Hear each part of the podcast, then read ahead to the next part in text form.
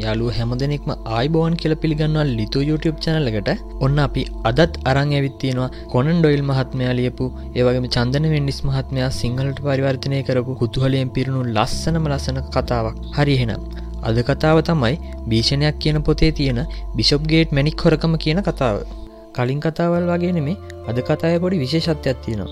කතාව මැදට යද්දි ඔයාට හම්බෙනවා පොඩි ප්‍රහෙලිකාවක්.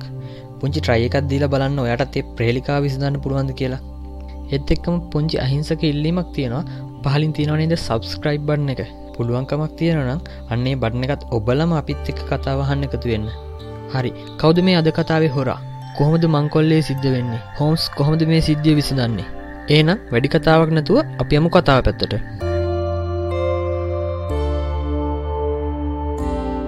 දිගින්දිකටම කුමක්දෝ රසායනක පරීක්ෂණයක යෙදමින් සිටි හෝම්ස්ට මා සමඟ කතාබා කිරීමටවත් කාලයක් නොතිබිණි. බෙන්සයිල් මධ්‍යසාරය සහ අයිඩ ෆෝම්වල සුවඳ විසිත්ත කාමර පුරා පැතිරගියය. රෑ කෑම වෙලාවෙදිත් කතාබහ කරමින් කාලය නාස්ති කිරීමට අකමැති වූ ඔහු ඔල්ගගේ ප්‍රායෝගික රසායනික විද්‍යා අත්පොත කෑම්මේසේදී දිගහැරගත්තේය. දින ගණනක් රාත්‍රයේ හරිහැටි නිදි නොලැබීම නිසා ඔහුගේ දෙනෙත් නිදිමතින් බරවී තිබිණි. එදා රාත්‍රී භෝජනය වෙලාවේ මේ ගැන මම ඔහුට අවවාද කළමි. මේ ආකාරයට අධික ලෙස මහන්සිවීම ඔබගේ ශරීර සෞඛ්‍යයදනම් කොහෙත්ම හිත කරනෑ හෝම්ස්. හරිහටි ආහාරයක් නොගෙන දිගින් දිගරනු නිදිමරමින් තෙහෙට්ටුව විඩාවට පත්වීම හෘදයාබාධයකට අතවැනීමක් හරි හරිමගේ මිත්‍රයා හෝම්ස්කී මන් දන්නවා ඔබ මට මේවා මතක් කර දෙන්නේ මගේම යහපත ගැන සිතා බව. මට උමනා කරන තව පෑ කීපයක් විතරයි. ඊට පස්සේ මම මේ පරීක්ෂණය ඉවරයි.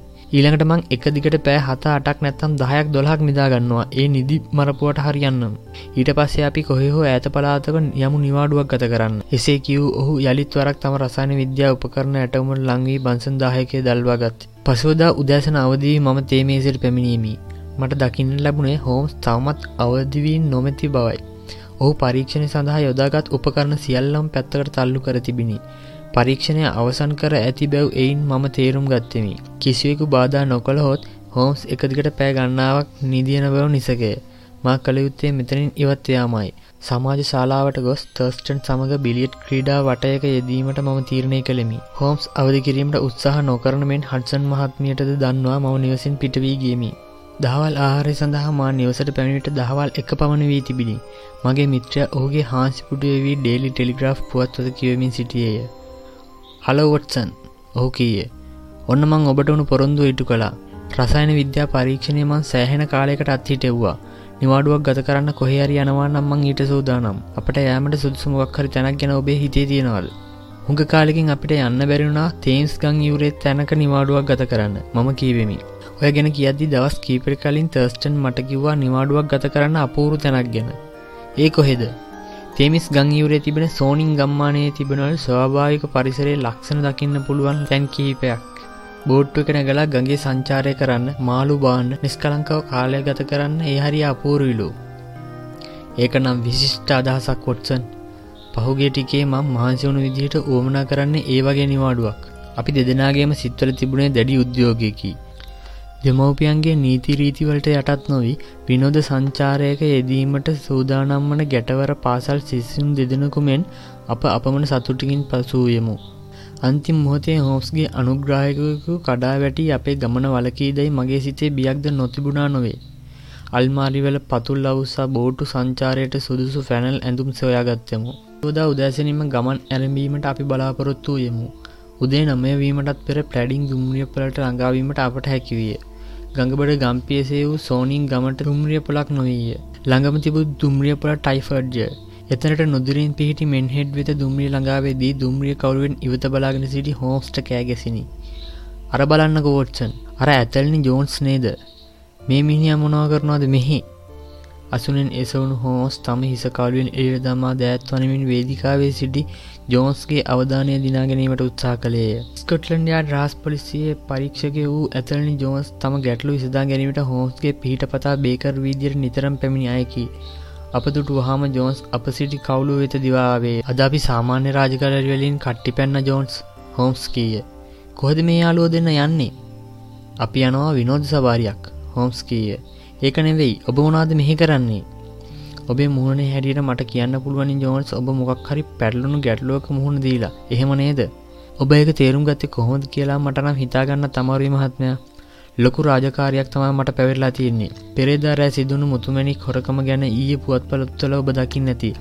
විල්ටන් සාමිවරයාගේ ගෙට හොරු ඇතුළු වෙලා. ආර්යාවේ කනේ කරේ තිබුණු ඒවා හැරෙන්න අනික් ඔක්කොම දියමන්ති මුතුමැණික් අරන් ගිහින්. ඔවුන් රාත්‍රී භෝජනය ගන්න අතරේ මේ හොරකම විදලා තියෙන්නේ. ඉනිමගකින් උඩුමහලට නැගලා දොරේ අගුළු කඩාගෙන කෙලින්ම ආර්යාවගේ කාමරයට ඇතුළු වෙලා. ඇහින්දුට කිසිම කෙනෙක්වත් ඉතිරි කරලා ගිය හෝඩුවාවක්වත් මොකවත්ම නැහැ. පෞගිය මාසේ කහමාර කාලය තුළ මේ වගේ හොරකම් හයක් නැත්තම් හතක් සිදු වුණා. හරියට සතියකට එක ගානේ වගේ. මුලින්ම මේ විදිහට හොරකමක් වුණේ සර්ේ පාන්තිය වෝගින් වල. ඊළඟට සෙවනොක්ස්, බික්ලි, හාපෙන්ඩන් ඊට පස්සේ එෂර්වලට ඇවිත් පෙරදරෑ තමයි මින්හෙඩ් වලට ඇවිත් තියෙන්නේ. අපට හොඳටම විශ්වාසයි මේක එකම කල්ලියක් කරන වැඩක් කියලා. එකම තැනකවත් කිසිම් සලකුණක් ඉදිරි කරන්නතුව බොහෝම පිරිසිදුටයි වැඩේ කරලා තියෙන්නේ. ඕක විසඳගන්න බැරිවන ලබන සතිය විතර බේකර් වීදිය පැත්තේ ඇවිත් යන්න එන්න. අපි බලමු දෙන්නගේ මොළ යොදවලා මොනවහරි කරන්න පුළුවන්ද කියලා. ආයිබෝවන්. අපේ නිවාඩුව ඉවත් දමා හෝස් මේ පරීක්ෂණයට පටලැතයි මගේ සිතේ බියක් ඇතිවිනි. එහෙත් අවාසනාවකට මෙන් ඔහු ඒ කිසිවකින් මොලේ අවුල් කරගත්තේ නැත. අපි සොනින්හි සතියකට කිට්ටු කාලයක් සතුටින් ගත කළෙමු. තේමිස්කගේ බෝට්ටු සංචාරයක නොයදනු වෙලාට ඔහු පුවත්පත් කියවින් ඒවාගේ පළ වූ ප්‍රහලිකා විසඳීමට ගාලය ගත කළේය.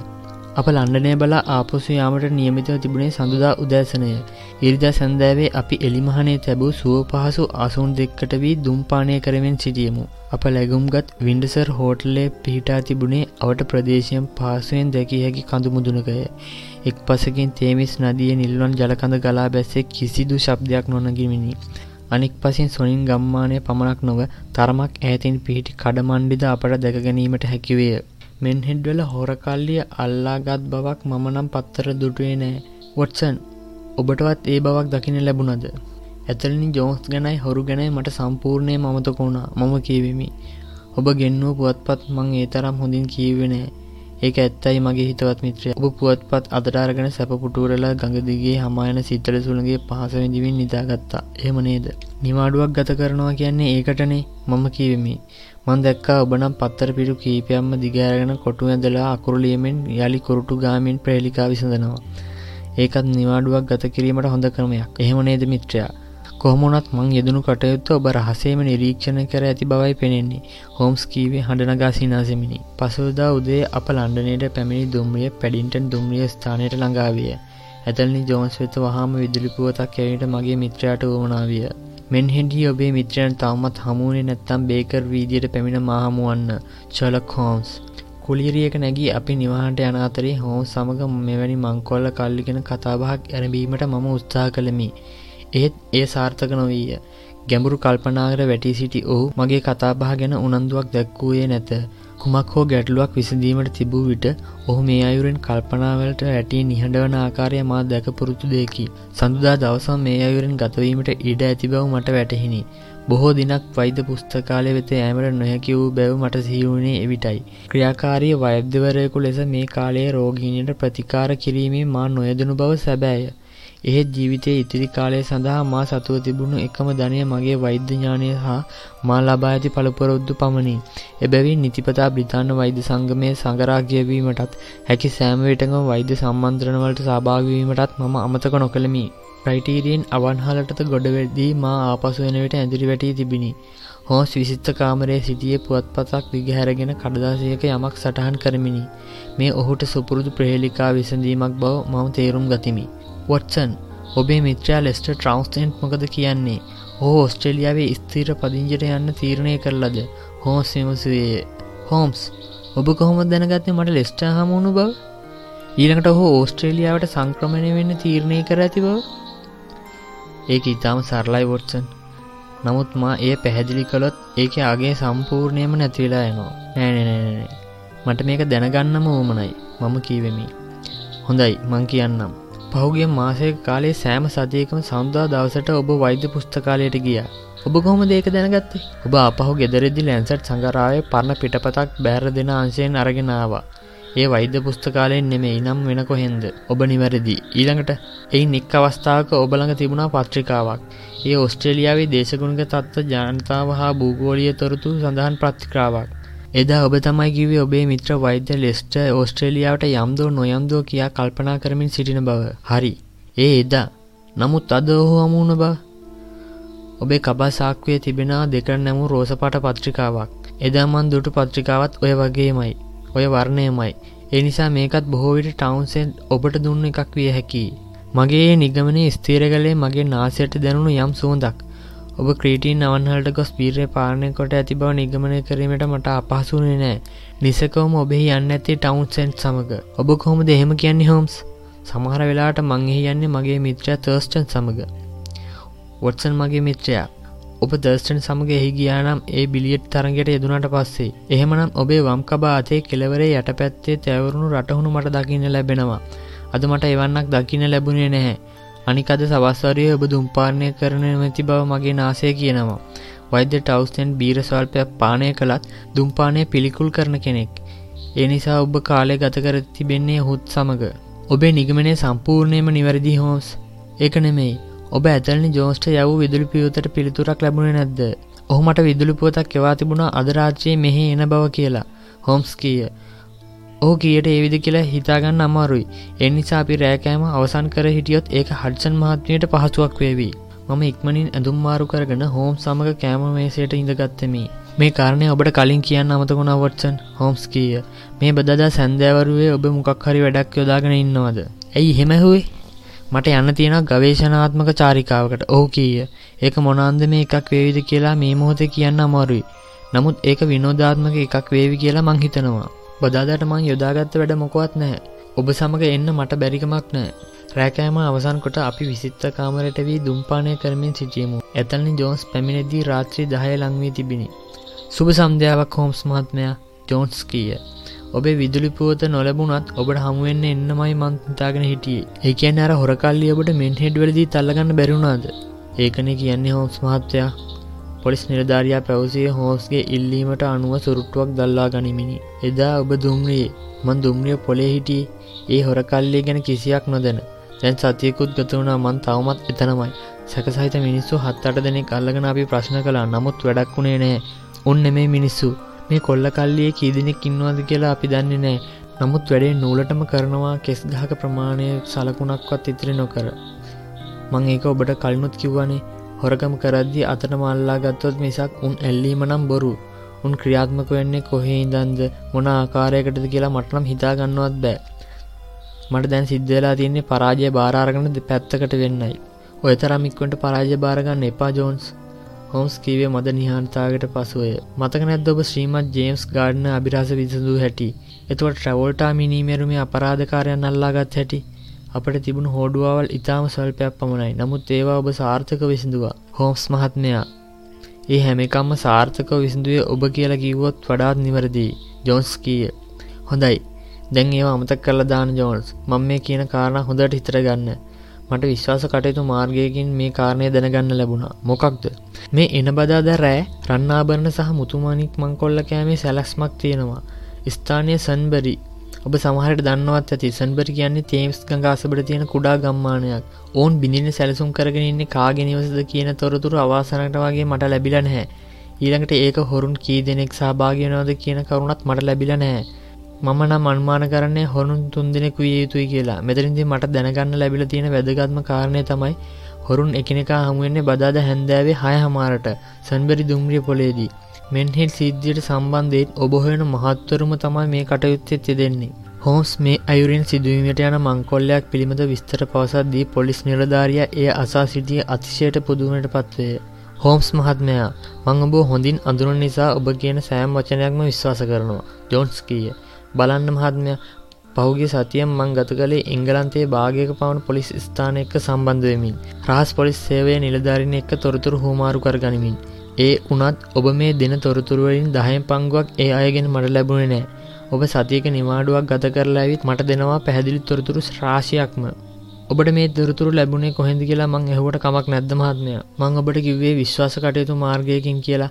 දැනට ඔබ වෙත හෙළි කරන්න පුළුවන් එපමණයි. මෙතනදී ඔබ ක්‍රියාත්මක වෙන්නේ කුමන ආකාරයකටද මං කැමති ඒ ගැන දැනගන්න.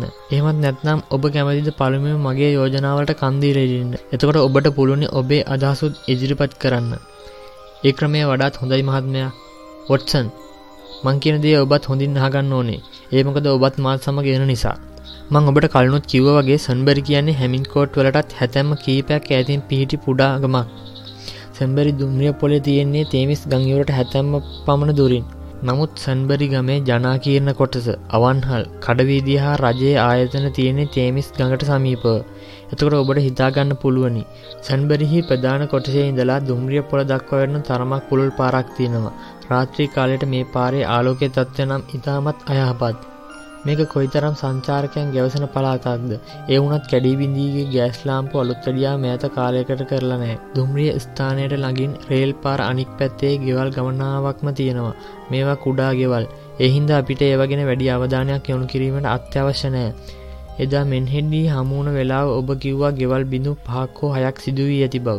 අනික මේ හැමකම් සිදුවනේ පවුල්වෙල අය රාත්‍රී භෝජන ගනිමින් සිටින වෙලාවි බව. එහෙම නේද.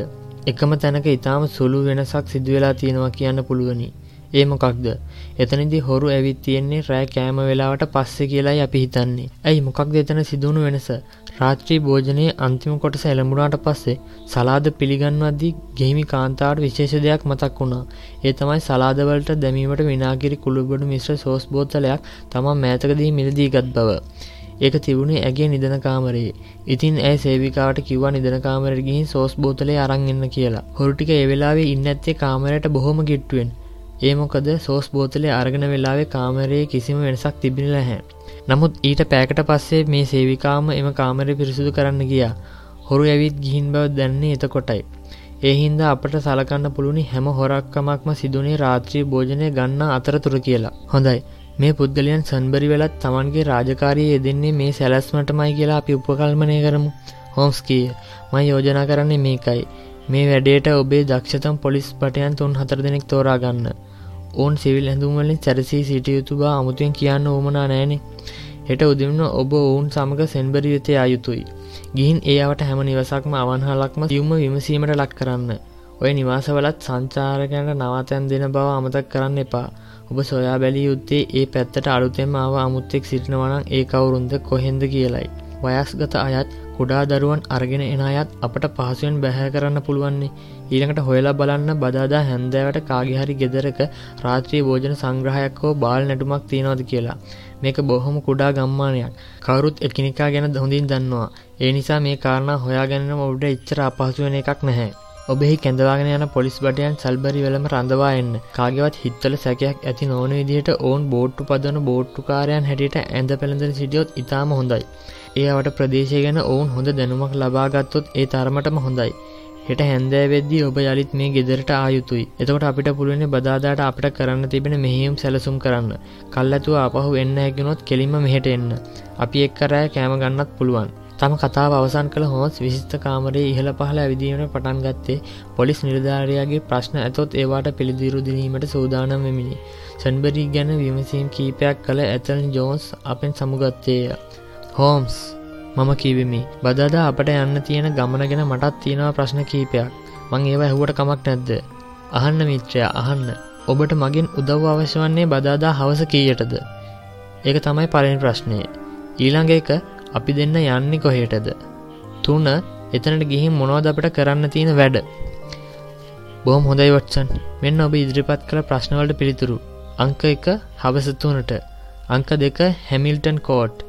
අංක තුන ඔරු පැදීම. හරිද සතික කාලයක් කලින් නිදා ගැනීමටත් හොඳ විවේකයක් ගැනීමත් නිසා මට දැන් හරි ඉක්මට නිදිමත වෙනවා. පහුගිය දවසල මම විවේක කාලයක් ගත කළේ පත්තරල තිබුණු ප්‍රහෙලිකා විසඳීමට. ඒක ඔබ දන්නවානේ මං විසඳන්න උත්සාහ කළ ගැටලුවක් මෙන්න තියෙනවා. බලන්න ඔබට ඒක විසඳන්න පුළුවන්ද කියලා. ජපානයේ චීනය වගේ රටවල මිනිස්සු මේ විදිහේ ගැටලු විසඳන්න හරි කැමති. එයාලා කියනවා මේවා විසඳීමෙන් මොලේ ලොකු සැහැල්ලුවක් ඇති වෙනවාලු. ඔබටත් එහෙම සාහනයක් ලැබෙනවාද බලන්න මම යනවා නිදාගන්න ඔබට සුභරාත්‍රයක් මෙසේකී මගේ මිත්‍රයා ඩෙලි ටෙලිග්‍රාෆ් පත්‍රය මගේ උකල උඩට විසිකොට තම නිදන කාමරයට වැදි දොරවසා ගත්තේය ශලක් හෝ සමහරයට ක්‍රියා කරන ආකාරය මට කිසි සේත්ම තේරුම් ගැනීමට ආපසු බැව් මං මීට පෙරද සඳහන් කර ඇත්තෙමි. ඉදිරියේදී සිදුකිරීමට බලාපොරොත්වන කටයුත්තක් ගැන කල්තබා හෙළිකිරීමට ඔහු සෑම විටම අකමැත්තක් දැක්වීය. ඔහු මා මගහැර නින්දට ගිය මගේ ප්‍රශ්නවලට පිළිදුරු දීමෙන් වැලකීමටද එසේ නැත්නම් සැබවීම ඇති වූ නිදිමතක් නිසාද තවමත් එතරම් රෑ බෝ නොවුණු නිසා මා අතරපත් පුවත්පතය වූ ප්‍රහෙලිකා විසඳීමට මම තීරණය කළමි. පුවත්පතේ ප්‍රහෙලිකා සහ කාටුවන් පිටුවේ ඉඩ මදිකම නිසා දෝ මෙය හැලවී තිබුණේ දැන්වීම් සඳහා වූ වෙනත් පිටුවකය. ඔයාට මතක ඇදි මං කතාව පටන්ගද්දිම කිව පුංචි ප්‍රහෙලිකාවක් ගැන මෙන්න මේ තියෙන්නේ ඒ ප්‍රහෙලිකාව පොඩි ට්‍රයිකක් දීලා බලන්න වලට මේ ප්‍රහෙලිකා විසඳන්න පුළුවන්ද කියලා. ඔයාල මේ ප්‍රහෙලිකාව විසඳවා කියන්නේ ඔයා මේ අභිරාස විසඳන්න සාර්ථක මුල පිරෝ කියන එක. හරි එහෙනම් අපි ආපව් යමු කතා පැත්තට. මෙම අකුරු ප්‍රහෙලිකා විසඳීමට මම පෑ දෙක්කට අධික්කාලයක් ගත කළෙමි. ඒත් ඒ සාර්ථක වූයේ නැත. මෙවැනි ප්‍රහෙලිකා විසඳීමෙන් මොලට විවේක සුවයක් ලැබෙන බව ජපන් ජාතිකයන් පවසා තිබෙන බැව හෝම්ස් කීය. එහෙත් මේ විසඳීමට උත්සා කිරීමෙන් මට දැනුනේ හිසේ කැක්කුමක් සෑදීගෙන එන බවයි. ප්‍රහෙලිකාව ඉවතර දමා මම ඇඳර ගොස් නිදා ගැනීමට උත්සාහ කළමි. පසුදා සවස්වරයේ ජෝන්ස් පැමිණෙන තුරු අපි මග බලා සිටියමු. තම සැලස්ම පොලිස් නිලධාරයා ඉදිරියේම එලිකිරීමට මගේ මිත්‍රයා බලාපොරොත්තු වී සිටියේය. ජෝන්ස් අප නිවසට පැමිණී රාත්‍රී දහයට පමණය. සැන්බරි එදා දවස්තුල ඔහු කළ කටයුතු ජෝන්ස් විස්තර කළේය. අපි හැම ගෙදරක්කොටම අවන්හලකටම ගානය ගිහින් විමසීම් කලා සැකහිතන්න බැරි විදිී සංචාරකයන් පමණයි හිටියේ. සැක්කටයතු කිසිම කෙනෙක් ගැන අපට ආරංචයක් ලැබුණේ නෑ. ගෙවල්වල පැවැත්වීමට නියමිත උත්සව ගැන ඔබ විමසලා බැලුවද? ඔවු හෝස් මහත්මයා. වදදා රාත්‍රී ගෙවල් දෙක උත්සව දෙකක් පැවැත්වීමට නියමිතයි. මේ ගෙවල් දෙකම තියන්නේ සැන්බරි සිට හැමිල්ටන් කෝඩ් දක්වා යන පාරේ. එක ගෙදරකින්දං අනෙක් ගෙදර දුර පර්ලොන් තුනක් පමණ. යාරවලින්නම් හයිසීයක් පමණ. මිනිත්තු පහකින් යන්න පුළුවන් දුරක්. මේ ගෙවල් කාගේවද? මොනෝද පැවැත්වෙන උත්සව? ඒ කී ඉදං කියවෙනකන්ද කියලා ඔබ හොයාගත්තද? ඔවු මහත්මයා ජෝන්ස් කියය එක තැනක් කපිතන් ඔලන්ඩෝ ජක්සන්ගේ ග්‍රීන්ටී නිවස. ඒ තිබෙන්නේ කවිතාන්ගේ දියනගේ උපන්දි නොත්ස ඒකට ඉහළ පෙළේ අමුත්තන් ගණනාවකට ඇරයුම් කර ඇති බවට ආරංචි. අනෙක් තැන සර් ඩෙනිස් මිල්ටන්ගේ බිෂොප්කේට් විලා මන්දිරය. ඒ තිබෙනේ රාත්‍රී භෝජන සංග්‍රහයක්. ඒක පැවැත්වෙන්නේ සර් ඩෙනිස්ගේ හා මිල්ටන් ආර්යාවගේ එකම දියනිය විවාහ ගිවස ගැන නිවසට යළි පැමිණීම නිමිත්තෙන්ලූ මේකටත් සම්භාවනීය අමුත්තන් රැසක් පැමිණෙන බවට ආරංචි. බිෂොප්ගේට් වත්ත හා මැදුර දැනටමත් අලංකාර ලෙස සලසලා මට දැනගන්න ලැබුණේ එපමණයි බොහොම හොඳයි හෝස් පිළිතුරු දුන්නේය. මේ උත්සව පැවැත්වන තැන්දගේ වටපිටාව ගැන ඔබ වැඩි අවධානයක් යොමු කරන්න ඇති. ඔවු මහත්තය. හොඳයි. මගේ සැලැස්මේ මුලකොටසමං කෙටියෙන් කියන්නම්. හෙට සවස තවත් බටයන් තුන්දෙනෙක් කරගෙන ඔබ සැන්බැරි වෙතේ ආයුතුයි. හවස හයට කාලක් වෙනකට ඔවුන් තුන්දෙනා දුම්රිය පුරෙන් මගින් එන ගේට්වාසල සිටිය යුතුයි. එහෙ දැනට කී දෙනෙක් ඉන්නවාද? තුන් දෙනයි. හොඳයි. ඒ තුන් දෙනාට මේ විදිහට උපදෙස් දෙන්න. හෝම්ස් කීය. හවස හයට කාලක් වෙද්දී ඇඳිලි වැටෙන්න පටන් ගන්නවා. එක්කෙනෙක් ග්‍රීන් ටී මැදුර අසලට වෙලා සෝදිසියෙන් ඉන්න ඕනේ. එක්කෙනෙක් බිෂප්ගේට් මැදුරළඟ සෝදිසියෙන් ඉන්න ඕනේ. තුන්වනි එක්කෙන ගෙවල් දෙක අතර පාර ඉහළ පහළ ඇවිදිමින් ඉන්න ඕනේ. ඒ කියන්නේ මුර සංචාරයක යෙදෙද්දී කරන ආකාරයට. හොඳ කල්පනාවකින් ඉන්නත් ඕන. මොකක් හරි වැදගත් සිදුවීමක් වුණේ නැත්තම් මේ අය රෑ 11ට සම්බරි දුම්රියපලට ආයුතුයි. ගෙවල් දෙකෙන් කොයි එක්කට හරි හොරු ආබව පෙවුනොත් මොකද්ද කළ යුත්තේ? එහෙම බවක් දුටුවහොත් ඒ ගෙදර පරීක්ෂාවට රඳවන එක්කෙන හෙමින්ම එතන මගහැර ගිහින් අනික් දෙන්නත් කැඳවාගෙන හොරුවා ගෙදරට යළි පැමිණිය යුතුයි. ඊළඟට හොරුන් අල්ලා ගැනීමට ඔවුන් සම්පූර්ණ උත්සාහය යොදන්න ඕනේ. මමත් දොස්තර වොට්සනුත් හෙට යනවා හැම්ටන් කෝට් වෙත. අපි තේමිස් ගගේ සවාරියක යෙදෙනවා. අපි නවතින්නේ සැන්බරිහි ඩියුක්ස් රෙසිඩන්ස් හෝටලේ. සවස හයවෙන්න කලින් අපිට පුළුවනි එතනට යන්න. හවස හයට ඔබ අප හමුවෙන්න එතනට එන්න ඕනේ. ඊළඟට අපි තුන්දෙනා වහාම යනවා සම්බරි දුම්මිය ස්ථානයට. අපේ මිත්‍රයන් එතනදී හමුවෙන්න මම බලාපොරොත්තු වෙනවා. දැන් හැම දෙයක්ම ඔබට පැහැදිලිද ජෝන්ස්? අපරාධකාරයන් දුම්රිය පොළේදී හඳුනා ගන්න අපට හැකි වුණොත් හොඳයි. ජෝන්ස් කීය. එහෙම නැත්තම් ඔවුන් බිඳින්න ඕනේ. අපි සෝදිසියෙන් ඉන්න ගයක් අපිට දුම්රිය පොළේදී ඔවුන් හඳුනා ගන්න බැරි වෙලා ඔවුන් ගිහින් වෙනත් ගයක් බින්දොත් මොකද ඇති වෙන තත්ත්වය? ඔබේ කියන කරුණු සම්පූර්ණ ඇත්ත. හෝම්ස් කීය. මං ඒකට එකඟයි. අපේ සැලස්මේ තියෙන දුර්බලම තැන එතනයි. නමුත් ප්‍රශ්නය තියෙන්නේ මේ හොරකම ගැන මට කල්තියා දැනගන්න ලැබුණේ ඔබට හෙළිකරන තොරතුරු පමණයි. එයින් උපරින් ප්‍රයෝජන ගන්න අපි උත්සාහ කළ යුතුයි. පොලිස් බටයන් වැඩි ප්‍රමාණයක් සම්භවිත ගෙනයන්න කියලා මං ඔබට කිව්වෙත් ඒ නිසයි. ඒ වනත් හෙට ඩියුක්ස් රෙසිඩන්ස් හෝටලේදී හමුණාම අපි උත්සාහයක් දරලා බලමු. අපේ ක්‍රියාන්විතය වඩාත් ශක්තිමත් කරගත හැකි ක්‍රමයක්. ඔවුන් ක්‍රියාත්මක වෙන ආකාරයෙන් මටනන් තේරෙන්නේ මොවුන් තමන්ගේ වෘතිය ඉතාම දක්ෂ පලපුරුදු අය බව. අඩුම ගණනය ඔුන්ගේ එකෙක්වත් ඔබට කලින් හමුවී ඇති අය වෙන්න ඉඩක් තියෙනවා. එහින්ද ඔබත් ඔබේ සගයුණුත් සම්පූර්ණයම විස්වාරු කරගෙන සිටිය යුතු බව මං අමුතුවෙන් කියන්න ඕමන නෑනේ අපි අල්ලාගන්න සූදාන වෙද්දිම කුරුල්ල ඉගල ගියත් ලොකු ප්‍රශ්නයක් වෙනවා. පසුදාට කළයුතු වැඩ සකස්විය යුතු ආකාරය ගැන ජෝන්ස්ගෙන් ප්‍රශ්න ගණනාවක් එල්ල විය. ඒ පිළිබඳ සාකච්ඡා කර අවසන් වෙද්දී මැදියම් රෑටද ලංවී තිබිණි. පොලිස් නිලධාරයා අපෙන් සමුගත්තේ එවිටය. පසුවදා දවල් ආහාරය කල්තබා අවසන් කොට අපි හැමිල්ටන් කෝඩ් බලා පිටත්ව ගියමු. පහසුවෙන් සම්බරි වෙත යා හැකිව තිබියදී මේ ආකාරයෙන් බෝට්ටු පැදීමක් යොදා ගැනීම මම විමතියට පත් වූයෙමි. මීට පෙරද හෝස් මේ ආකාරයෙන් බෝට්ටු කොලියට ගෙන තේමිස් ගඟ පහල්ට පැදගිය අවස්ථාවක් හෝ දෙකක් මට සිහි කළ හැකිවිය. එහෙත් ඒ අපරාධ පරීක්ෂණයක යෙදීමට ඔන්න මෙන්න කියා සිටික් වෙලාවක නොවේ. හැමිල්ටන් කෝට්හි හෝම්ස් කලින් හඳුරන තැනකට අපි ළඟා වූයමු. එක් බෝට්ටුවක් කුලියට ගැනීමටයි. එදින රාත්‍රයේ අප බෝට්ටුවේ සන්බරිහි නවතා තබන බැව් කී හෝම්ස් එය පහෝදා උදේ පැමිණ රැගෙන යා හැකි බව කියා ආයතනයට මුදල් ගෙව්වේය. කලබලයක් නැතුව බෝට්ටුව හෙමින් සැරේ පැදගෙන ගියත් අපිට පුළුවනි හැන්දෑව පහවෙනකට සම්බරිවලට ළඟාවෙන්න මගේ මිත්‍රා කීය. හැතැම තුනක දොරක්නේ තියෙන්නේ. ඒ නිසා ජෝන්ස් හෝටලට එන්න කලින් තේටිකක් බීලා ඉන්නත් අපිට හැකිවේවි ඒඉතින් අද මහා වැස්සක් කඩා නොවැටනොත් තමයි. සැම්බරි ප්‍රදේශී තේමිස් ගඟ දෙවස ඇති සුන්දරත්වය ගැන අමුතුවෙන් කීම අනවශ්‍යය. සත්තැම්බර් මාසේ අන්තිම කාලයේදී එය වඩාත්ම වනරම් බැව් කිවයුතුය අපේ බෝට්ටු සංචාරයේ වේගේ තවත් අඩුකොට එම සිරි නැරඹීමට මගේ කැමැත්තක් තිබිණි. එහෙත් අප තවත් ප්‍රමාද වූවොත් ඇතලනි ජෝන්ස් පැමිණීමට පෙර තේපානය කිරීමට ඉඩක් නොලබෙන බව හෝස් මට මතක් කළේය. හෝටලයට ළඟා වූ වහාම කෑමට යමක් හා කෝපි කෝපයක් ඉක්මනින් ගෙන එනමෙන් හෝස් සේවකර නියම කළේය. අපි කෙටි ආහාරයක් ගෙන කෝපි බී අවසන් කොට පයිප්පේද දල්වා ගතිමු. බිත්ති ඔල්ලෝසියේ සවස හය නාදවෙද්දි ජෝන්ස් අප ඉදිරියට පැමිණියය. අපි වහාම හෝටලෙන් පිටත්වීමු. ඔන්න ඔබ කිව් විදිට හැම දෙයක්ම සූදානම් හෝස් මහත්මයා ජෝන්ස් කීවේ අප ප්‍රධාන පාරෙන් බැහැරවී ගම්මානය දෙසට ඇවිද අද්දීය. බොහොම හොඳයි හොම්ස් කිය. මං ඔබට කිව්වනේ අපේ ක්‍රියාදාමයේ දුර්වල්ම තැන ශක්තිමත් කරගන්න අයුරු පසුව මං ඔබට කියන බව මං ඒක ඔබට පෙන්වා දෙන්නම්. යමු මේ පැත්තෙන් සාමාන්‍ය පාරෙන් කුඩා පටුමකට පිවිසි හෝස් කෙටිදුරක් ඉදිරිට ගොස් කුඩා නිවසක දොරට තට්ටු කළේය. ඔබ සූදානම්ද ටොම් ඔහු විමසුවේය. ආ හෝම්ස් මහත්තය නේද?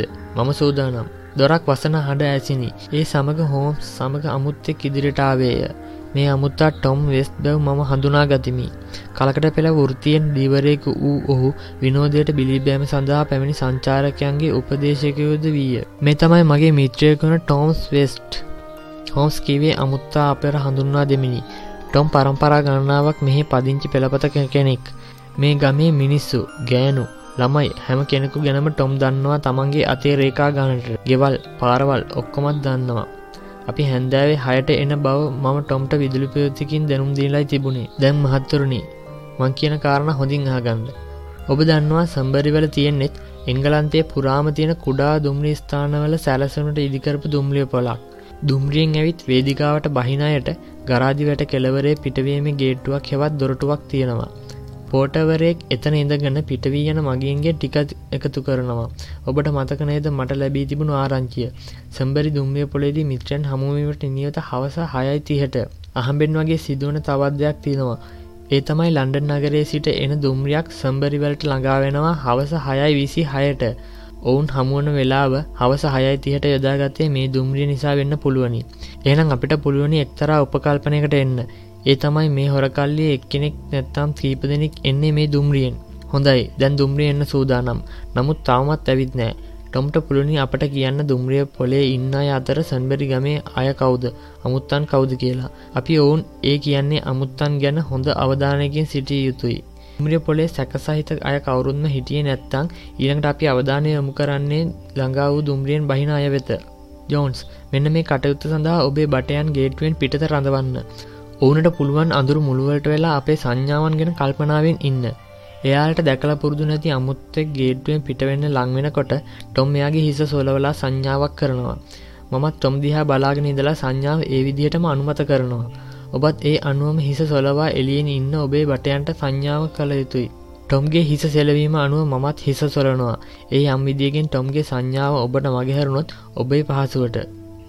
ඔබේ බටයන් මේ සැකසහිත පුද්ගලයන් පිටිපස යා යුතුයි. ඔවුන්ගේ ගමනාන්තය කොහෙද කියලා දැනගෙන ඔබට දැනුම් දෙන්න ඕනේ. ඒ හැමතොරතුරක්ම දැනගත්තර පසේ ඔබන ඩියක්ස් රෙසිඩන්ස් හෝටලට සර වොට්සන් සහ මම එතනට යනවා. ඒ ඔබේ රාජකාරී පටන්ගත්තට පස්සේ. හරිනෙද ජෝන්ස්? ඔන්න දුම්රිය එන සද්‍යයක් ඇතින් එහෙනවා සංඥාවක් වැටුණා. අපි දැන් යනවා වේදිකාවට.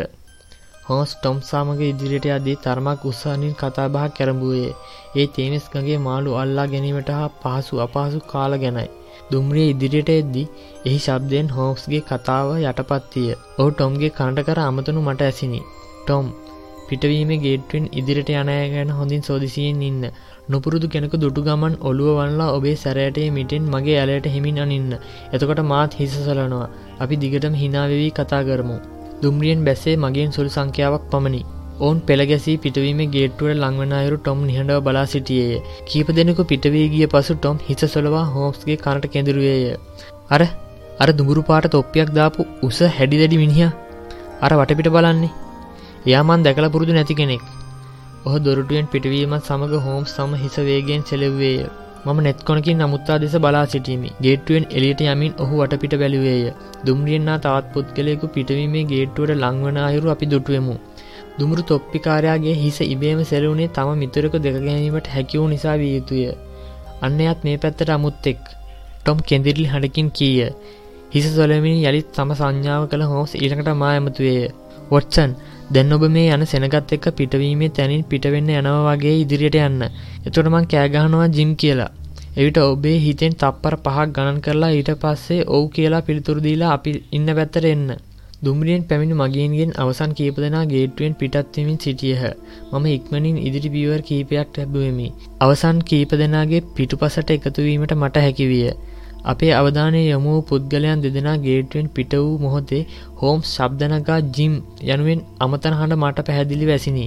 මා සිතින් පහට ගණන් කරන අතරේ ගේටුවෙන් පිටවී සිටිය අය අතරින් කෙනෙක් හලෝ යනුවෙන් පිළිතුරු දුන්නේ. ඔවු යන පිළිතුර මගේ මුවෙන් පිට වූයේ ඊට තප්පර දෙකතුනකට පසුවය. එකවරම පුදුමයට පත් මම හලෝ යනුවෙන් පිළිතුරක් දුන්නේ කෞද යන්න බැලීමට දෙනෙත් ඒ දෙසට යොමු කළමි. අපි කලින් දුටු දෙදෙනාට අමතරව තවත් පුද්ගලයෙක් ඔවුනට ලංවී සිටියේය. ඔවුන් තිදෙනගේ මුහුණු යොමුණේ හෝස් වෙතයි. ඒවන විට මා පිටවීමේ දොරටුවේ ටිකට් එකතු කරන පෝටර්වරයාට හොඳට සමීපය. මා සඳහන් කළ තිදෙන සිටිය මගේ අතින් එල්ලිය හැක තරම් දුරිනි. මා ඕ කියා ආපසු හැරී යද්දී එකෙක් අනකොට මෘදු හඬෙන් මෙසේ කියනු ඇසිනි. මං හිතුවේජම් ඒ මිනි අඩුගැහුවේ තමුසට කියලා. මේ සියල්ල සිදුවයේ ඒවා ඔබට කියවීමට ගත වූ වෙලාටත් අඩු එනම් තප්පර තියකට පමණ කාලයකදීය. මා හෝසිටි තැනට ලංවෙද්දී ඔවුන් දෙදනාම සිනාසීමට පටන්ගෙන තිබිණි. ජිම් ඇතුළු පිරිසගේ සිත්තල සැකයක් ඇති නොවීමට හෝස් මෙසේ සිනාසෙනු බැව් මම තේරුම් ගත්තෙමි. වැඩකටයුතු ඉතාම සතුටදායක අන්දමින් සිදුකිරුණා. හෝස් කීය. ජිම්ගේ පෙනුම ඔබට හරිහටි පෙනෙනට ඇති අපට වඩා කොහොමද වොට්සන් ඕගේ පෙනුම උසයි මුහුණ පුරා වැවුණු කළු රැවලක් තිබුණ ඇඳුම්වලට උඩින් තද අලුපාට වැහිකබයක් ඇඳගෙන හිටි බවක් ඔබට දකින්න ලැබෙන්න ඇති. අතේ තිබුණ කළුපාට ලොකු ගමන් මල්ලක්. හිසේ තිබුණේ රෙදිවලින් මැසූ සැහැල්ලු තොප්පියක්. ඔබේ ඒ නිරීක්ෂණය ඉතාමත් වැදගත් මගේ මිත්‍රයා. අපි යමු. අපි දුම්රිය පොලෙසිට අන්දකාරය ඉදිරියට ගියමු. අප යාර තිහක් හෝ හතලයක් ඉදිරියට ඇදී පාරයිනේ පඳුරගෙන මුවාවී සිටි කෙනෙක් පාරට පැන්නේය. කලබල වෙන්න එපා මහත්තුරනි. මම ජෝන්ස්. ඔහු කීය. හෝම්ස් මහත්මයා මේසරේ ඔබෙන් ලැබුණු ආරංචි ඉතාම නිවැරදිකක් වගේ මට පේන්නේ. ඒ ගැන කිසිම සැකයක් නෑ මට පුළුවන් වුණා උන්ගේ එකෙක් කඳුනා ගන්න. අර්රෙදි තොප්පිදාගෙන උන්නු එක හොර තක්කඩියෙක් ඔබ දැන්න යන්නේ හෝටලේටද ඔවු. මම යන්න ඕනේ මගේ මිනිසුන්ගේ වැඩේ හරියටම කරනවාද බලන්න. ඒව පිළිවෙලක් වුණා මං වහාම ඔබේ හෝටලේට එන්නම්. මෙසේකී ජෝන්ස් ඉක්මන් ගමනින් පිටත්වී ගියේය.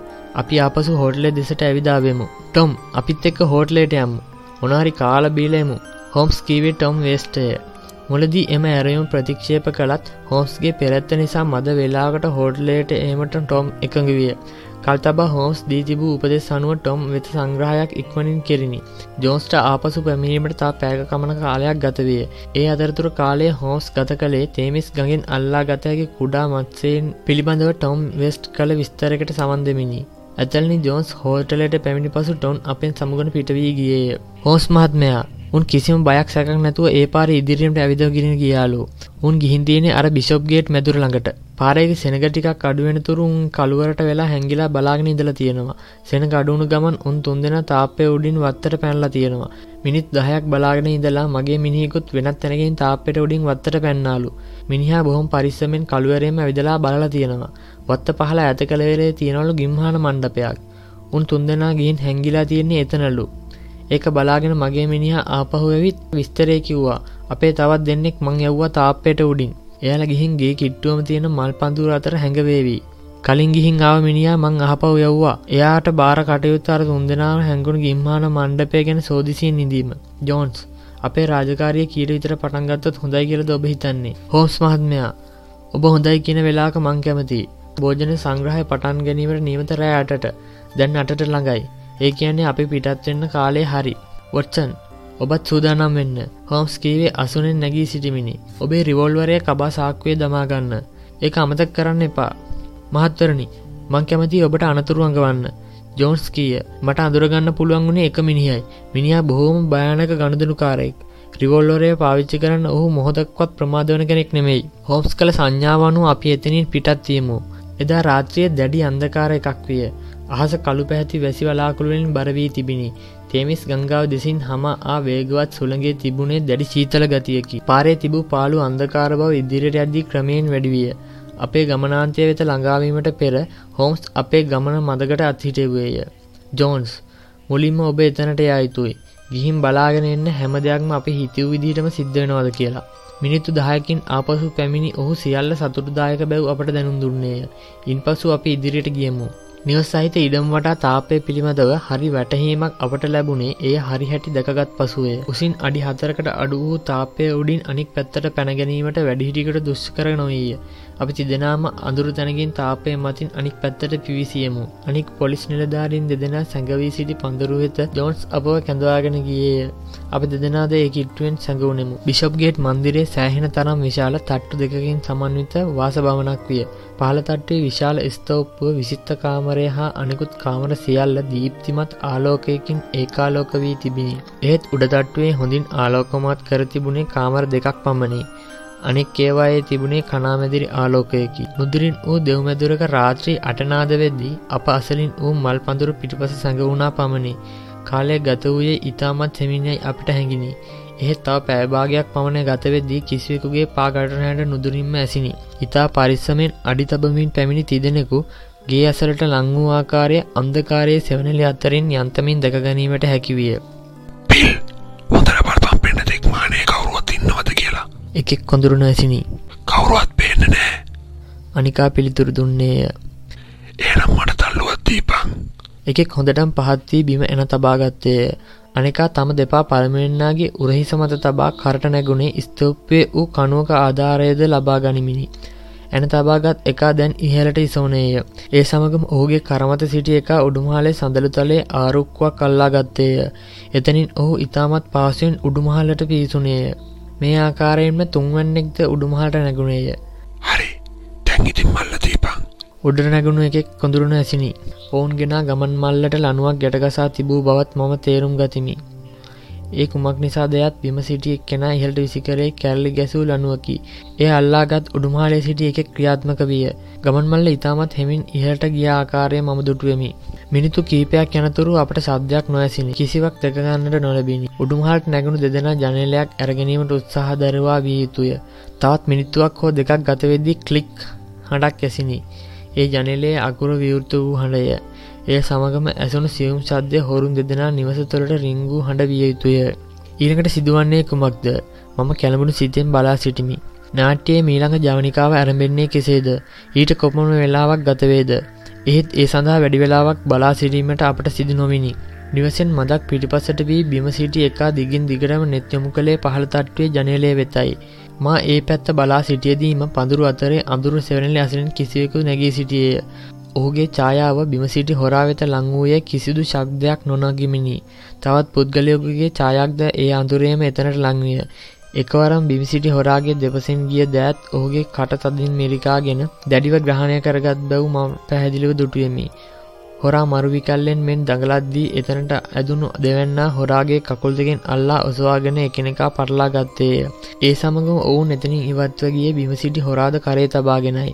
තවත් තප්පර කීපයක් ගතවෙද්දී හොරා රැඳී සිටි තැනට තවකෙක් පැමිණියේය. ඒ සමඟ හොරුන් ඉහලට නැගුණු තැන ස්තෝප්පියේ සෙවනලි අතරට තවත් තිදෙනෙකු ඇදුණු අයුරු මම දුටුවමි. ඔහු අඳුරු සෙවනලි අතරේ සැඟවුණහ. මිනිත්තු පහලක් පමණ ගතවී ගියේය. මොව නොවේසිල්ලෙන් බලා සිටිමි. නිවස තුළට වැදුණු දොරුන් ඇයි මෙතරම් ප්‍රමාද තවත් මිනිත්තු පහක් පමණ ගතවෙද්දී හොරෙක් උඩුමහල ජනලයෙන් එලියට පිවිසෙන මම දුටිමි.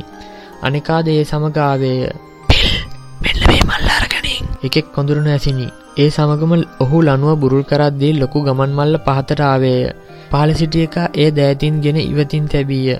හොරුන් දෙදෙනා පහලට බැස්සේද ඉහලට නැගීමට යොදාගත් ආකාරයටම බිමසිටි කේකාගේ උරහෙස යොදා ගනිමිනි. ඔවුන් දෙදෙනම් පහලට බට වහා පොලිස් බටයන් කියවදනෙගේ ග්‍රහණයට හිරුවේ හොරුන්ට කිසිවත් හිතා ගැනීමටවත් ඉඩ නොතබිනින් දෙයියන්ටම උපවෙච්චාවේ එකකොට කියවෙනි. ජිම් බිල් අපිව පොලිසියට පවදීල වගේ ඔකට හෙන්න ගහන්න ඕනේ අනිකා කීවේ ඔහුගේ දෑතට ඇතලනි ජොන්ස් විලංගු දමත්දීය. අපෝයි බිල් ඔහෙලාව පාවලා දුන්නේ නෑ ඇතල්නි ජොන්ස් කිය මෙන්න මේ මිනිහ තනකොළ ගොඩේ පෙරලිලා ඉන්නවා. කුදල පූරෙක් වගේ. කොබලන්න ඔය ගමන් මල්ලේ තියන්න මොනවද කියලා. හොම්ස් කිවේ පොලිස් බටයකු අතේ තිබූ මල්ල තුළට ලන්තෑරු මෙලිය යොමු කරමිනි. මුතු මැනික් දියමන්ති සමඟ රීදී රත්තරන් නාබරණ. මේවල අයිතිකාරයන් කැඳවලා ඒ අයට පෙන්වලා හිටියොත් වඩා හොඳයි. විළංගු දැමු සොරුන් තිදෙනා පොලිස් බටයන් භාරයේදී සිටියේදී ඇතනි ජෝන්ස් නිවසේ සීදුන අද කළේය. එය අනුව පැමිණිය වයස්කත සේවකයෙකු පමණේ.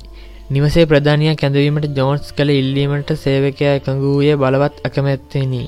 අන්තිමේදී නිවසේ ප්‍රධානයා වූ සර් ඩේනිස් මිල්ඩන් අප ඉදිරියේ පෙනී සිටියේ තම සාදයට බාධා කිරීම ගැන තරමක් කෝපයට පත්වය. මහත්තරුණි ඇයි මේ විදියට අපට කරදර කරන්නේ මොකක්ද ප්‍රශ්නය ප්‍රශ්නය නම් එච්චර බලපතල එකක් නෙමෙයි හෝස් කීය ඔබ සාද පවත්තන අතේ හොරු තුන්දෙනෙක් ඔබේ ගේ බිඳලා. බලන්න මේ ඔබට හා ඔබේ අමුත්තන්ට අයිති ආභරණ මුතුමැනික්ද කියලා. ස ඩෙනිස් මුතුමැනික් ආභරණ ලෙස බලා සිටියේ කිසිවක් විශ්වාස කිරීමට පවා අපහසු අයරින් දෙනෙත් විශාල කරගෙනය. මේ වැඩකටයුතුවල කෙලවරක් වීම බොහෝ වෙලා ගතවීමට ඉඩ ඇති බව හෝස් මා සමඟ කීවේ එතනින් පිටත්වය එමට සූදානම් වෙමිනි. ජොන්ස් මහත්තයාට කියන්න ඔහුගේ ලන්ඩන් මිනිත්‍රයන් දෙදෙනා අපසු හෝටලයට ගිය බව. ඔහුට අපි හමුවෙන්න ඕමනාන හෙට හැන්දෑවේ බේකර් වීදියට අවුත් හමුවෙන්න හැකි බවත් කියන්න. හෝස් මේ තොරතුරු කිවේ ජොන්ස්ගේ ජේෂ්ඨ සැරයන්වරයටයි. ඉන් පසු අප එතනී පිටත්තිී අපසු හෝටලට ආවෙමු. පහුවදා උදෑසන දුම්රියෙන් අපි ලන්ඩනයට පැමිණියමු. වෝටලු දුම්රිය පොලේ අලවිකර සෑම පුවත්පතම ප්‍රධාන ප්‍රෘතිය තිදී තිබුණේ බිෂප් මන්දිරයෙන් රන් ආභරණ මුතුමැනික් කොල්ලකෑ හොරකල්ලිය පොලිසියට අසූ පුවතයි. අපි මිත්‍රයා වුණු මහන්සියට මිනිහට පාඩුවක් නම් වෙන්නේ නෑවොට්සන් මේටික කියවලා බලන්න. හෝස් කිවේ මෝනින් ලීඩ පත්‍රය කොටුකර තිබූ පුවත් පතක් පෙන්න්නමිනි කොටලන්ඩයාඩ් පොලිසියේ අපරාධ පරීක්ෂක ඇතලනි ජෝස් මහතාගේ තීක්ෂණ බුද්ධියන නොවන්නට මෙම හොරකල්ලිය කිසි දෙනක පොලිසියට කොට්ටුක නොවන්නට ඉට තිබිණි සෑමවිටම නිහට පිළිවෙතක් අනගණනි කරන ඔහු තම හපන්කම් ගැන පුවත් පල්ලට පාරම්භාන අයකු නොවේ. මෙවැනි බුද්ධිමත් රහස් පරීක්ෂකයන්ට රහස් පොලිසියේ සේවේ නිසිතැන ලබාදීමට පොලිසියේ ඉහළම නිලධාරීන්ගේ අවධානය යොමු විය යුතුය. සැකයක් නෑ. මේසරේ නම් ජෝන්ස්ට උසස්වීමක් ලැබෙනවා මම කිවෙමි. එදා දිවා භෝජනය ගැනීමට අප සූදානම් වෙදී ඇතන ජෝන්ස් බේකර් වීදී අපේ නිවහන්ට පැමිණියය. හෝස් මහත්මයා ඔබට කොහොම ස්තුති කරන්නද කියලා මටනම් තේරෙන්නේ නෑ. ජොන්ස් කීවේ හෝස්ගේ ඇරමෙන් මේසේට හිඳ ගනිමිනි. මගේ විශිෂ්ට ජයග්‍රහණය ගැන සුභපතලා රටපුරා ඉන්න මගේ මිත්‍රාගේ මට විදුලිපුවත් ලැබෙනවා. ඉතින් කොයිතරම් හොඳද හෝම්ස් කීය. මංහිතන්නේ පොලිස් ලොක්කන්ගේ අවධානයක් දැන්නිතින් ඔබ වෙත යොමුයේවී. ඒක හරි හෝස් මහත්මයා එවනට මගේ හිත දන්නවා මේක ගෞරේ සම්පූර්ණයම හිමිවිත්තය ඔබට කියලා. කවුද ඔබට මේ ඔත්තුව දුන්නේ? කොහොද මේ අභිරහස විසඳුවේ? මම හැමදයම දෙනගත්තේ ඩෙලි ටෙලිග්‍රාෆ් පුවත් පතේ දිබූ දැන්වීමකින්. හෝම්ස් කීය? දැන්වීමකින්? ජෝන් සහ මම අපි දෙදනාම එක හඬින් නැසුවමු සති හයක පවන කාලයක් තිස්සේ මේ හොරකම සිදුණු බව ඔබේදා අපට කිව්වා. හරිට මොය කාලය පුරාම එම පුවත්පතේ පළවුණු දැන්වීමක් වෙත මගේ අවධානය යමුණ එදා මෙන්හිදිහිදී ඔබ අපට හමුණනාන ඊට දින තුනකට කලින් මංගේ දැන්වී පුවත්පතේ දුටුවා. ඊළඟට යළිත් ඒ දැන්වීම දකින්න ලැබුණාම තමයි මං කීවේ සැන්බරිහි බදාදා හැන්දෑවේ හොරකම සිදුවන බව. මහත්මයා කෝය දැන්වීම? මං කැමති ඒක කියවලා බලන්න ජෝන්ස් ඉල්ලා සිටියය. ඔට්සන් කෝමං අර ඔබට දුන්න ඩෙලි ටෙලිග්‍රාෆ් පුවත් පත? මම මේ හෝම් සතර පත් කළෙමි. මගේ මිත්‍ර වොට්සන් දොස්තර මහත්මයටත් මේක කියවලා බලන්න දුන්නා. ඔහු ඒක තිබුණු පනිවිඩේ තේරුම් ගත්තාද කියලනම් මට කිව්වෙනෑ බලන්න ඔය රතුපාටේ රවමක් ඇද තියෙන දැන්වීම. කී හෝස් මුවෙන් පිටවීමට හා සිනාවත් යටපත් කරගත්තේය. රතුපාටින් රවුන් කර තිබුණේ ඔහු මට විසඳීමට දීතිබූ ප්‍රහෙලිකාවය. මද වෙලාක් එදිස බලාසිට ජෝන්ස්ගේ මුහුණ කෝපයෙන් රතු බැව ම තේරුම් ගත්තෙමි. අන්තිමේදී ඔහු පුවත් පත ඉවතට විසි කළේය හෝස් මහත්මයා මොකක්ද මේක තේරුම? ඔබ මාව විහිලෝකට ගත්තද? අන්තිමට ජෝන්ස් කීබේ කෝපය පිට කරමිනි. කලබල වෙන්න එපා ජෝන්ස්. විස්තර හැමකම් එතන තිබුණා. ඔබට බැරිවුණා දෙක කියවා තේරුම් ගන්න. හෝස් කිය? තේරුම් ගන්න කොහොමද? ඒ ඉංග්‍රීසි නොවෙයි. වෙනින් මොකක්ද බහූතයක් වොටසන් මගේ මිත්‍රයා. මේක විසදන්න ඔබත් පෑ දෙක තුනක් ගත කර ඇති බව මන් තේරුම් ගත්තා. ඒ ඉවත දමා තිබුණු කුරුටුගේ කඩදාසි වලින්. හෝම්ස් කීය. ඒක ඇත්ත. මට මේක අගක් මුලක් තේරුම් ගන්න බැරි වුණා. මම කියවෙමි. හැබෑට මේක ලිවීමිදී එච්චරම ගැඹුරු රහසකමයක් අනුගමන කරලා නෑ. කෑම කාලේ ඉවරනහම මම පෙන්වන්නම් මේ පටලැවිල්ල විසඳන හැටි. දහවල් භෝජනය අවසන් වූ පසු කඩදාසියක් අතටගත් හෝම්ස් මෙහි වූ රාස්පනිවිඩේ හෙළි කරන හැටි අපට පෙන්වා දුන්නේය. ඔබට පෙන්වාද මෙතන පේලි දෙක්කට තිබුණත් මේ තිබෙන්නේ එකම් පණුවිඩයක් බව. මේ හැම වචනයම අකුරු හතරක වචනයක් කර තිබෙන්නේ කියවන්නාගේ මොලේ අවුල් කිරීමට. මුලින්ම ඔබට තියෙන්නේ වචන වෙන්නකොට මේ පණවිඩ අග කෙලවරේ සිට මුල්ට ලිවීම. එතකොට අපට ලැබෙනවා මෙන්න මෙහෙම දෙයක්. දැන් ඔබට තියෙන්නේ මේ අකුරු පේලියම වචනවලට වෙන් කිරීමට පමණයි. මේ බලන්න. අන්තිමට යොදා ඇති කිව්ටි ඉසඩ්ඩල කිසිම තේරුමක් නෑ. ඒක තියෙන්නේ පණවිඩිය විසඳීමට උත්සාහ කරන කෙනෙකු නොමගෑවීමට. ඒ වගේම අන්තිම වචනය අකුරු අතර සම්පූර්ණ කිරීමට. හොරුන් සති ගන්නක් තිස්සේ ඔවුන්ගේ මිත්‍රයාට පණවිඩිය යව්වේ පුවත්පතේ පෞද්ගලික දැන්වීම් තීරය පලකිරුණු දැන්වීමක් මගින්. ඔබ දන්නවන ොච්ච පුවත්පත්වල පලන මේ අන්දම ගැටලු සහගත දැන්වියලට මං විශේෂ අවධානයක් යොමු කරන බව කලින් සතිවල මේ ප්‍රේලිකාව පාලවෙද්දී මං ඒක කියවලා පණවිඩේ තේරුම් අරගෙන තිබුණා නමුත් ඒ කුමක් සම්බන්ධයෙන්ද කියලා වටහා ගැනීමට තරම් දත්තමට ලැබී තිබුණ නෑ එදා මෙටන් හෙඩ්හිදී ජෝන්ස් හමු වෙලාවේ ඔහු නගර කීප එක නම් කියාගෙන ගියා. වෝකින් සෙවනෝක්ස් බික්ලි හාපෙන්ඩන් ඒෂර් ආදී හැම නගරයක්ම ඔය පිළිවෙලින් මගේ මොලේ සටහන් වී තිබුණා. අන්තිම දැන්වීමේ මෙන්හෙඩ් දුටුවා මගේ මොලට පනිවිඩිය ලැබුණේ සීනුවක් නාදුනා වගේ. ඊළඟ මංකොල්ලේ සිදුවන තැන සන්බරි බව දැනගත් වහමයිමන් ජෝන්සෝ දැනුවත් කළේ. මට සමාවෙන් හෝස් මහත්මයා. ඔබේ බුද්ධිමත් බව නොවන්න මේ ගැටලෝ පොලිසියට නම් කවදාකාව විසඳගන්න ලැබෙන්නේ මේක ගෞරුවේ හිමියයුතු ඔබට බව මං මගේ උසස් නිලධාරින්ට දැනුම් දෙන්න ඕනි. කොහොමටවත් එපා ජෝන්ස්. මේ විසිඳීමෙන් මං විශාල තෘප්තියක් ලැබවා. මට ඒ ඇති. ඒක නෙමේ වොට්සන්. බිතෝවන් සංදෝනී සංගීත ප්‍රසංගයක් පැවැත්වෙනවා. අද එන්නේ රෆායිල් එස්ට්‍රාඩා මහත්මය. අපි ඒකට සවන්දී රෑකෑමට යමු ඉතාලි අවන්හලකට අපට හුඟ කාලෙකින් බැරිවුණනේද මසරල්ලා චීස්සා කුකුල් මැස් දැමු ලසංඥා රසවිඳින්න ජෝන්ස් මං ඔබටත් ඇරයුම් කරනු අප සමඟ එක්වෙන්න කියලා. ඔන්න ඒ විදිහට තමයි බිෂප්ගේට් මැනික්කොරකම කියන කතාව අවසන්න්නේ මොකද හිතෙන් අද කතාව ගැන? කතාව සම්පූර්ණ මැහුවන අනිවාරම පල්ලහෙන් කමෙන්ට ඇදදායන්න අමතක් කරන්න එපා. ඒ වගේම තවත් කුතුහලින් පිරුණු ලස්සන කතාවක් කරන්න අපි ඉක්මට වෙන්න ඔයාට සුබදවසක්